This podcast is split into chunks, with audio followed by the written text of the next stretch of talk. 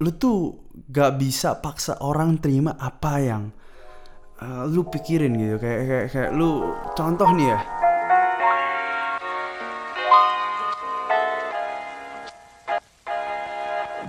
Hey everyone, welcome back to PSK pada suatu ketika Season 1 episode 14 Dan sekarang gue lagi pengen ngomong tentang social media and privacy and which content can be shared and which content are not worth to be shared. Ini topik dipersembahkan oleh Evelyn. Evelyn adalah seorang pendengar gue yang gue nggak pernah ketemu sebelumnya.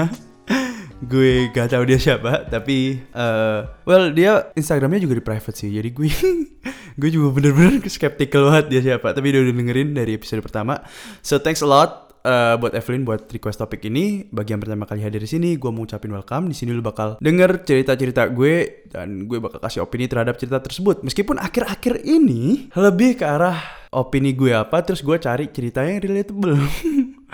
Sedikit sedikit beda ya akhir-akhir ini gue ngerti kenapa but anyway ya uh, buat yang lu yang udah request topik belum bisa gue gue bawain. Gue mau ngucapin sorry karena uh, oke okay, gue taruh di akhir deh alasannya kenapa.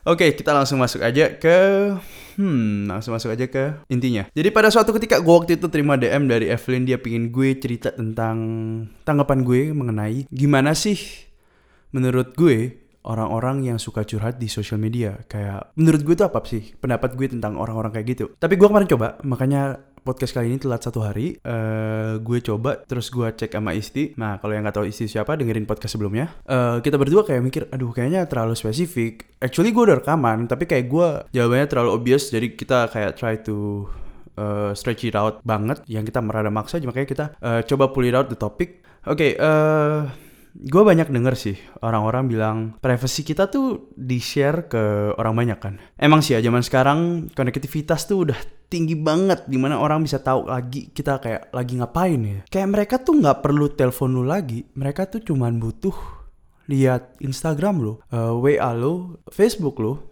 buat tahu lu di mana. Sesimpel itu loh. Konektivitas tuh sesimpel itu uh, ngebuat lu bisa connect sama siapa pun di luar sana. Oke, jadi dulu tuh nyokap gue tuh susah banget kalau mau nelpon sama teman-teman SMA-nya. Dia tuh harus uh, tuker-tukeran nomor HP. Ya pasti lu pada ngerasain lah bonyok lu pada kayak tuker-tukeran nomor HP. Eh lu tahu nomor nomor HP-nya orang ini nggak?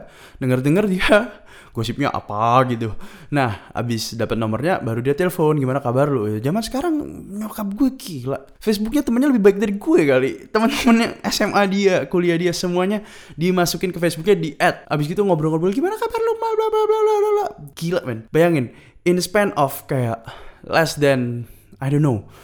Uh, nyokap gue lahir 1970 dia 1990 aja dia masih belum bisa connect ini. Jadi let's say like 10 20 years kita udah bisa connect kayak gini gila banget ya sih. Oke, okay, uh, eh, kita langsung masuk aja. Gue mungkin jelasin lebih ke arah uh, apa yang boleh di-share ya, yang kayak tadi gue bilang sama apa yang nggak boleh di-share. Which content is shareable and which are not kayak worth to be shared to people. In my opinion ya, you can only determine the value of your story based on your target audiences. Beneran itu tergantung audience lo aja sebenarnya itu value-nya worth to be shared atau enggak. Kenapa? uh, bingung ya. Oke, okay, jadi uh, kayak gue waktu SMA tuh ngerasa temen gue saking banyaknya dan gue ngerasa temen gue care banget sama gue. Gue tuh ada tweet kayak 14 ribu gak salah. In the span of two years. Jadi lu bayangin gue gue setahun sehari tuh ngetit berapa banyak loh. Puluhan tweet loh gue tweet itu tiap hari. Eh lagi bangun, bangun tidur, morning all. Pakai tanda yang yang apa sih yang yang senyuman yang kutip apa sih yang the power of itu loh. Lu ngerti gak sih pangkat? Kalau di komputer terus kayak good morning all. Ke sekolah nih. Aduh macet. Lagi pelajaran apa? Ya gue pelajaran ada sembilan. Gue update setiap pelajaran gue ganti tuh. Anjing gue alay banget sih dulu ya aduh gue jujur sih ngerasa eh, orang-orang care about me and they actually uh, love to see my tweets. Gue yakin padahal enggak. Kalau zaman sekarang gue bisa noleh tuh kayak gue yakin enggak sih. Mereka banyak yang annoyed ya. Kayak ngeliat tweet gue tiap hari ya. Oke. Okay. Menurut gue nih gini nih. Nah kayak lu lu lihat kasus gue gitu. Uh, gimana ya? Gue gue ngomongnya gimana ya? Jadi follower Twitter gue kan banyak, ada di kelas gue, kakak kelas gue macem-macem tuh. Dan mereka sih yang menurut gue bakal jadi uh, tolak ukurnya apakah tweet-tweet gue itu sebenarnya oke okay buat mereka atau enggak. Dan mereka karena mereka audiensnya gitu mereka yang ngelihat mereka yang ngefollow gue. Kalau gue ngerasa itu oke okay, tapi orang lain ngerasa nggak oke okay, terus gimana? Mereka punya hak buat follow gue mereka punya hak buat unfollow gue juga. Jadi gimana dong? Oke kita langsung masuk aja ke yang case yang lebih deep aja daripada teman story gue nggak jelas oke let's see lu tuh gak bisa paksa orang terima apa yang uh, lu pikirin gitu kayak kayak kayak lu contoh nih ya misal di kehidupan bule itu sana tuh ya lu boleh share cerita masalah keluarga lu. Tapi kalau di Indonesia lebih jarang ada orang share tentang family problem mereka. Karena family lu adalah identitas lu. Nah kalau lu nggak setuju, lu dengerin sisi lain kekeluargaan di episode berapa tuh gue lupa promosi lagi. Episode ke-9 kalau nggak salah. Lu dengerin deh. Di Indonesia tuh family lu adalah identitas, identitas lu. In which saat lu cerita tentang your family problems or weaknesses, yang ada lu malah dipandang sebelah mata woi. Kayak ngapain sih cerita tentang aib hidup lu sendiri? Pasti deh lu digituin. Mereka salah karena mereka ngejudge lu. Emang bener. Tapi lu harus sadar konsekuensinya. Gue nggak bela, gak bela mereka sama sekali loh ya di sini ya. Tapi gue juga nggak ngebela lu. Yang di mana lu expect everyone to accept your story or thoughts or posts or anything. Ngerti gak sih maksud gue? Oke, gue kasih gue kasih lu contoh lain ya. Contoh lain nih. Hmm, let's see uh, apa yang ada di pikiran gue. Uh, ini deh, mending ini deh. Uh, misal lu lagi pacaran berdua ya. Terus lu foto di kamar berdua, berdua, berdua. Yang di mana di Indonesia tuh belum bisa di accept. Yang ada ceweknya di slut shaming. Nah, kalau lu pingin tahu tentang slut shaming, dengerin Rap Culture with Hana. Episode berapa tuh gue lupa. Oke, balik lagi, balik lagi, balik lagi. Intinya kayak, kalau situasinya kayak gitu, gue yakin ceweknya di slut shaming loh. Gak mungkin cowoknya yang kena.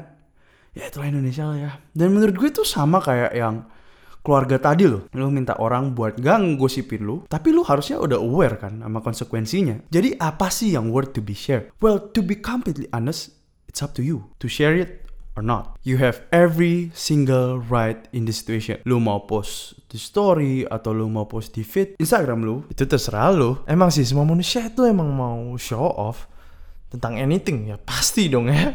Kayak lu post itu maksudnya ada message yang mau lu sampein and most of the time lu mau show to the people what sort of achievement or things yang lu udah dapet Misal, lu jalan-jalan ke Cancun or Maldives and lu post biar orang tahu lu udah jalan-jalan, biar orang tahu uh, lu living your life, biar orang tahu lu bahagia. Or mungkin ya pacar lu mau nunjukin kalau lu kalau lu emang romantis orangnya. Atau lu nunjukin hasil kerja lu misal kayak gue di bengkel gue foto bengkel gue kasih tau orang-orang storynya ke story gitu kan ya ya jujur aja gue mau orang tahu kayak ini loh kerjaan gue ini loh yang gue kerjain sekarang ya. punya gue ya menurut gue kalau lu bilang lu di sosial media dan lu gak coba buat show something in your life, you're just being in denial, man. gue yakin kita semua kayak kayak gue kasih tau lu hal penting. Ini yang gue pegang seumur hidup gue. Uh, manusia tuh sebenarnya nggak nggak butuh duit as uh, as apa ya kayak yang mereka cari gitu. Sebenarnya ada hal lain yang selain duit yang mereka sebenarnya pingin banget ya. Dua hal, praise and recognition. Mereka tuh mau di di apa ya? Orang tuh tahu gitu. Orang tahu mereka tuh siapa ya. Makanya mereka cari duit biar mereka bisa dihargain. And ya, yeah, itu udah hidup. Oke, okay, tapi ada case lain yang gue lumayan, to be completely honest, gue lumayan interested sih. Kayak gimana kalau lu mau educate or bring up uh, attention to people about an issue yang udah neglected. Misal, misal nih, apa ya let's see isu yang yang sebenarnya kita sadar tapi nggak sadar. LGBTQ anjing berat banget. Oke okay, uh, eh, ini gue gue dapet nih ya. Gue dapet pandangan ini dari liberal di US freaking snowflakes. Oke okay, uh, coba ya apakah gue gak boleh share tentang LGBTQ karena gue tahu orang-orang sini belum bisa terima? Kan gue bilang tadi uh, yang gue mau sampaikan lu lu lu tuh share kalau orang bisa terima. Sebenarnya bukan gitu yang mau gue sampaikan oke gue gue gue jawab dulu pertanyaan ini kan. Apakah orang-orang sini belum bisa terima jadi gue nggak boleh share. Oke first of all kalau lu emang mau edukasi or bring an attention to the issue ya lu first of all lu nggak boleh direct banget. As in, sorry bukan direct. Maksud gue kayak lebih ke arah uh, lu nggak boleh kasar, lu nggak boleh rough waktu lu deliver uh, the message. Kayak it has to be a process gitu loh yang kayak lu mungkin bisa start dengan oke okay, semua orang itu sama lo nah di situ lu, lu lu kasih mereka sebuah gambaran dulu gitu. Soalnya waktu orang ya di tag langsung dia nggak bisa nggak bakal bisa terima gitu kalau lu misal tiba-tiba uh, start kayak boy lu yang nggak support LGBTQ uh, you're a fucking fucking racist. Kayak biasanya kan kulit putih gitu ini kan kayak konservatif biasanya di kayak gitu sama liberal di US uh, ya obviously people langsung defensif banget gitu loh waktu mereka ada value yang dia mereka pegang tuh terancam. Kayak gue tuh ngerasa di tempat gue itu uh, karyawan gue banyak yang waktu ada komplain masuk, tempat gue kan jasa ya, pasti ada komplain dong. Waktu ada komplain masuk, mereka tuh defensif. Karena gue nyadar uh, banyak orang tuh waktu apalagi orang tua waktu mereka nggak dapet service yang bagus mereka tuh langsung direct banget kayak wow lu lu ngelakuin service ini jelek. Obviously orang bakal langsung defensif gitu loh kayak wow apa apaan nih? Langsung ngerti gak sih waktu gue? Dan di situ emang role as manager plays gitu. Makanya kalau lu mau emang mau ngomong edukasi orang ini tips dari gue. Uh, beneran loh. Kayak lu kalau mau nyerang orang yang kayak bukan nyerang apa sih educate orang-orang homofobik coba deh Uh, mulai dari yang soft dulu. Oke, kita langsung balik lagi aja ya. Selain tips dari gue buat lu emang mau edukasi untuk waktu lu mau share story or post something on your social media, gue support 100% lo. Gue support 100% orang-orang yang berani buat tell the world uh, apa yang mereka pikirin. Soalnya the amount of courage yang mereka udah bangun itu, wow, gue salut banget. Soalnya gue sekarang aja, gue bikin podcast ini, jujur aja waktu bikin podcast ini courage yang gue kumpulin itu gede banget. Soalnya kayak gue anjir kalau misalkan gue feel uh, yang ada gue digosipin nih. Ah aan sok-sokan mau masuk media nggak bisa.